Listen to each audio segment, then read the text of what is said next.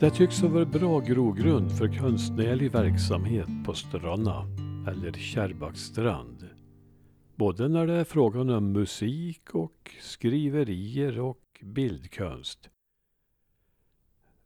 Nu ska ni få träff Herbert på Lövberg som gjort skivdebut vid 77 års ålder. För med Värmlandsbygden den 1 september 2011. Skivdebut var jag vid 77 års ålder.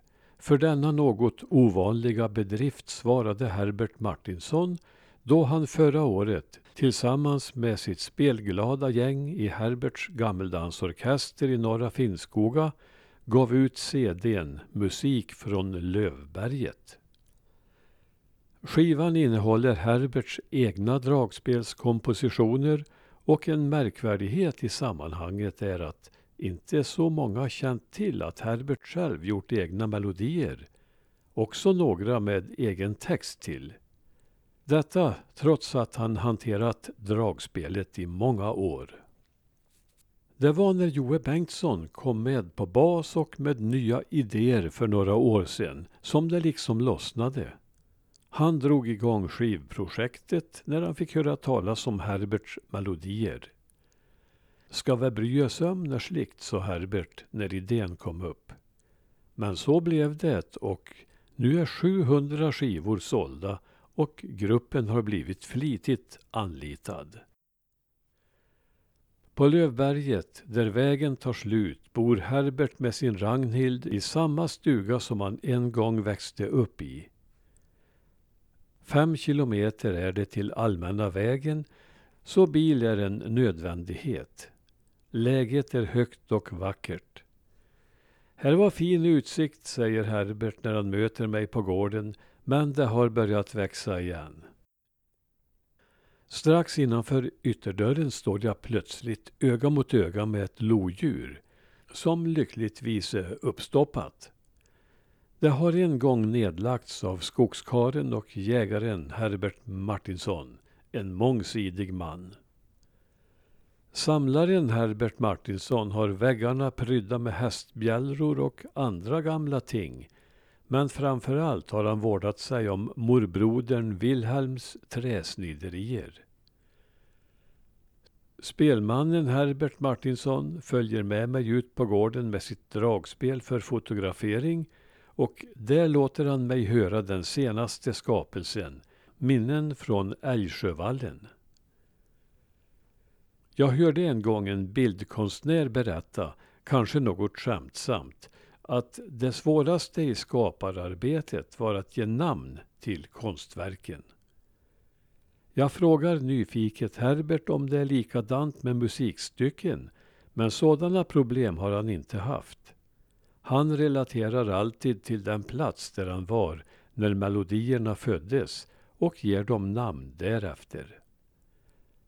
För det är så han komponerar, inte med spelet på magen, utan uppslagen kommer ofta genom inspiration när han är ute i naturen. Sol över Pegionet till exempel fick han i huvudet då han var på arbete på platsen en tidig morgon just då dimman lättade och solen gick upp.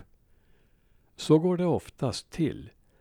Men någon melodi har ramlat ur huvudet innan han har hunnit hem och fått den i fingrarna. Inspiration fick Herbert redan i unga år av morbror Wilhelm som inte bara snidade i trä utan också spelade dragspel och fiol. Det var väl främst han som lärde mig spela, men också morbror Hjalmar var musikant. Det har nog följt med i släkten, säger Herbert. Dragspel fanns alltså i hemmet och Herbert började fingra på spelet i sjuårsåldern och 70 års träning har gett resultat. I 20-årsåldern började han spela mer offentligt på kalas av olika slag. Och då var spelkompisarna andra än idag. Det var Otto Halvarsson i Strandberget på fiol, Valfrid Jönsson på dragspel och munspel och Olga Berglund som spelade gitarr och sjöng. Att ställa frågan om vem som är den musikaliska förebilden känns lite överflödigt redan innan det förväntade svaret kommer. Jularbo. Denne storspelman blev legendarisk redan under sin livstid. Inte bara i Finnskogarna där han gärna vistades. Och Herbert har förstås sett honom uppträda. Han såg också hur Jularbo tacksamt tog emot när någon räckte honom en plunta. Men att han fortsatte att spela lika oberört trots rätt stort intag. I likhet med de flesta i norra Värmland vid den tiden blev Herbert skogsarbetare. En verklig skogskar. Direkt efter skolan började han som 14-åring som huggare och på den tiden var det bågsåg och svans som gällde. 1955 gick han över till motorsåg men han var också med och provade de tunga tvåmans motorsågarna som knappast underlättade arbetet. På den tiden fanns inga säkerhetsföreskrifter som idag utan kedjan löpte farligt nära fingrarna, säger han.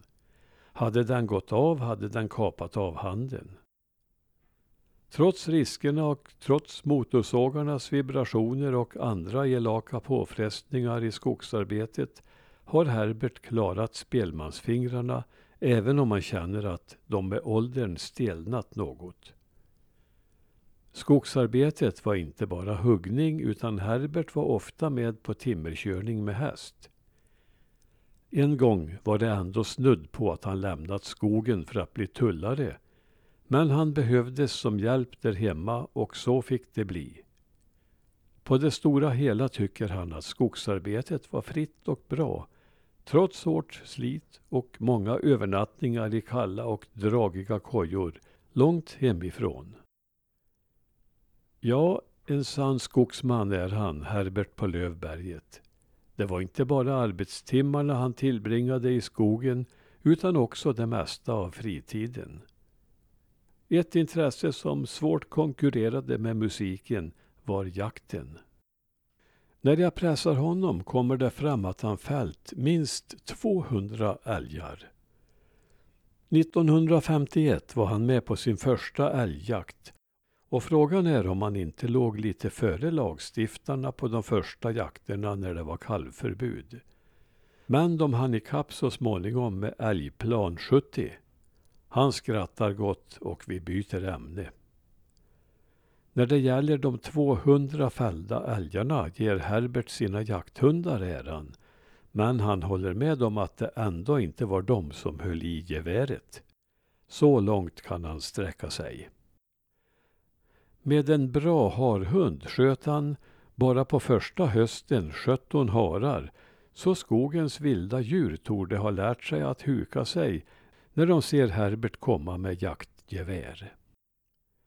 Som den skogsman han är har Herbert också tillbringat alla sina semestrar i skogen och då har det gällt hjortron. Även där är det fråga om stora kvantiteter och det mesta har han sålt. 200 kilo och väl det kunde det bli en god säsong. Och bara på skoj räknade Herbert ut att en höst hade han plockat 87 500 multer. Men han räknade förstås inte en och en. Ragnhild dukar upp kaffe och bröd och vi berör det slit som kvinnorna hade innan det fanns vattenledning och elektricitet. Jag förstår inte hur mor orkade med allt. Hon hade kor tills hon var 80 år, säger Herbert.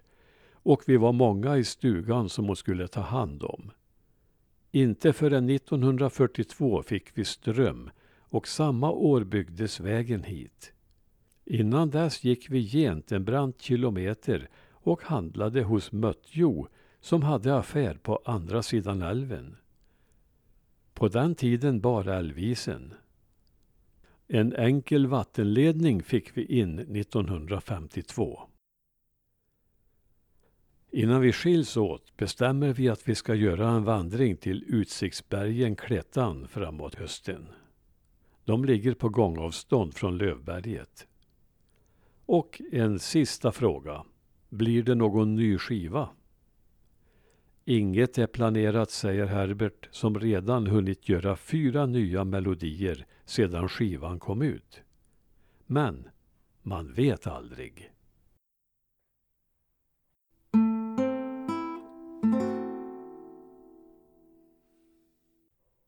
Avslutningsvis kan jag nämna att eh, det vart en vandring till Klettan där Herbert var med mig som vägvisare. Några år senare avled han, den gamle skogsmannen.